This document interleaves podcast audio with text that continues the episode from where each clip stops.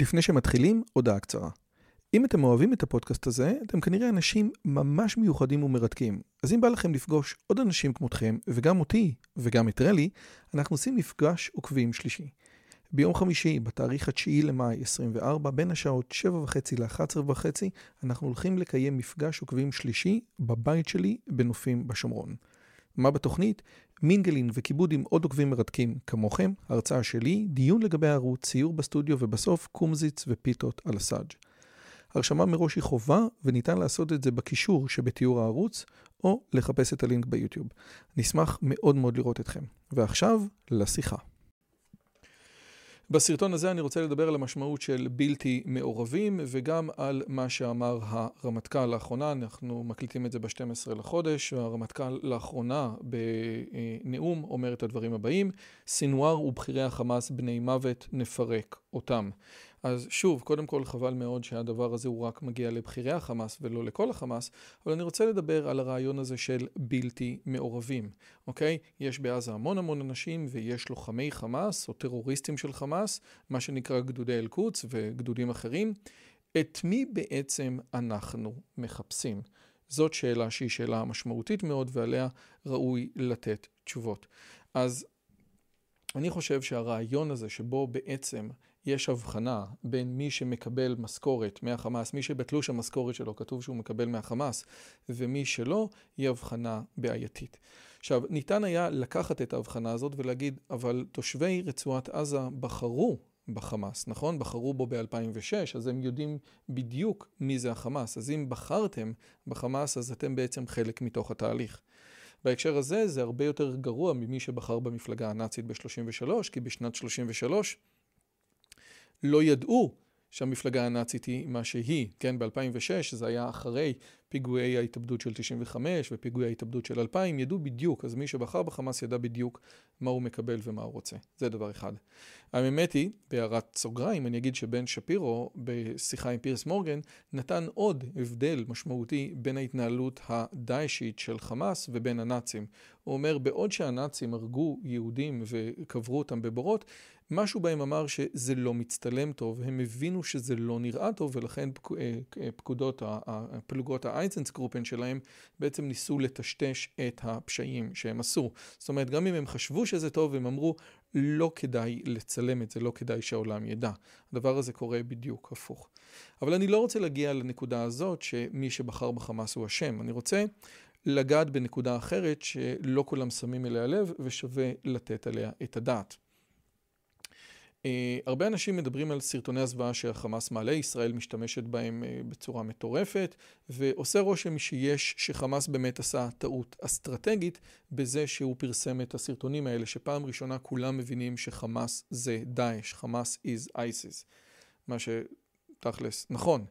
והשאלה היא, חמאס שעשה עבודה כל כך מדהימה בלשמור את, הפג... את, ה... את המתקפה הזאת בסוד, והוא מתנהל באמת בצורה נכונה, ובאמת העובדה שאתה לא מעריך את האויב שלך זה איום ונורא, איך הוא נפל בכזה דבר? ובשיחה שערכתי עם אה, דוקטור מרדכי קדר, הוא הסביר לי. הוא לא נפל. יש שני סוגי סרטונים שיצאו מאירועי הטבח. סרטון אחד, או סוג אחד, זה סרטון שהוא ערוך טוב, זה סרטון שמצולם כמו שצריך, זה סרטון שיש בו טשטוש של מה שלא צריך לראות, מה שקשה מדי, זה סרטון עם מוזיקה, הכל. זה סרטון שהחבר'ה של החמאס יודעים לערוך כדי לעשות את הצרכים שלהם. אבל היה עוד סוג של סרטונים.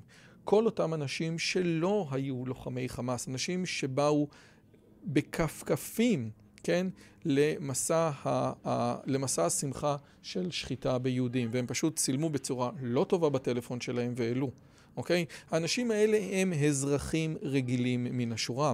אני מזכיר לכם שבטבח ברמאללה, כן, אותו בן אדם שעשה ככה על הידיים, בטבח ברמאללה הוא התבצע על ידי סטודנטים, אותם אלה שהם החזית של, או השפיץ של האוכלוסייה. אבל זה לא רק זה.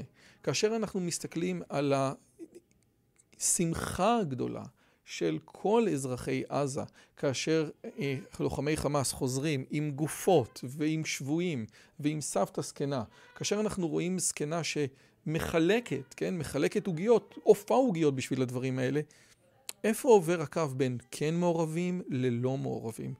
אתמול היה בעזה, בשכם וברמאללה מסעות הלוויה מאוד מאוד מאוד מאוד גדולים.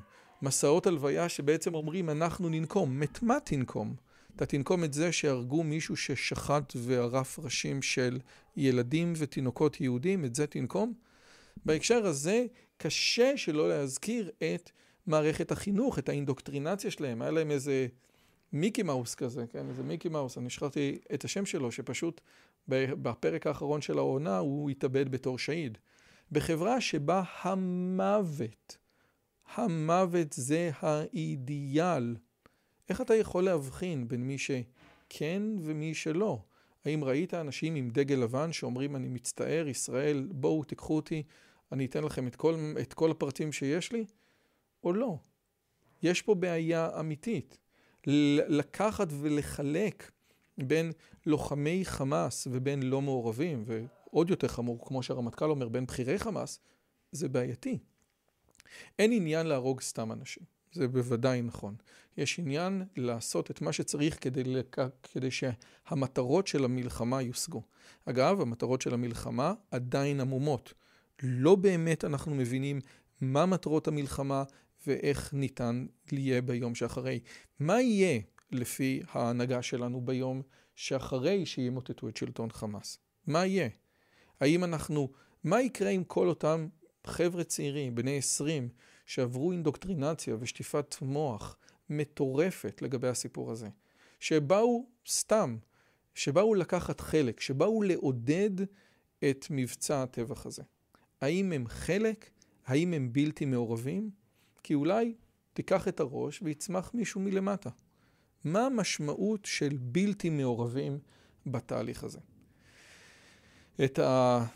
אה, את הפרק הראשון, כן, בסדרה של צ'רצ'יל לגבי מלחמת העולם השנייה, מה שנקרא סדרת הספרים על מלחמת העולם השנייה, הציטוט הפותח של סדרת הספרים הזה אומר ככה: איך באיוולתם ובקלות דעתם ובטוב משגם הניחו העמים דוברי האנגלית לרשעים לחדש את חימושם. זאת נקודה ששווה לחשוב עליה. אם הגעתם עד לכאן, מגיע לכם כל הכבוד. אז תנו לי להגיד לכם שלושה דברים קצרים. הדבר הראשון, אם שמעתם משהו בשיחה שמעניין אתכם, שאתם רוצים לקחת הלאה, פשוט ספרו אותו לאנשים אחרים. משהו מעניין שאני אמרתי, משהו מעניין שהאורח שלי אמר, איזשהו רעיון שאתם רוצים לקחת איתכם לחיים, פשוט ספרו אותו לחבר או לחברה. זאת הדרך הטובה ביותר לזכור את הרעיונות מתוך השיחות האלה.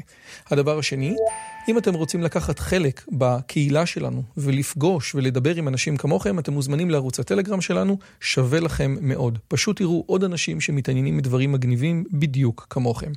והדבר האחרון, אם אתם יכולים, דרגו את הערוץ שלנו באפליקציית הפודקאסטים שלכם, זה יכול להיות בספוטיפיי, באפל פודקאסט או בגוגל פודקאסט, זה תהליך קצר של שתי שניות, הוא מאוד מאוד יעזור לנו להפיץ את הבשורה הלאה. שיהיה לכם כיף גדול וכיף בשיחה הבאה.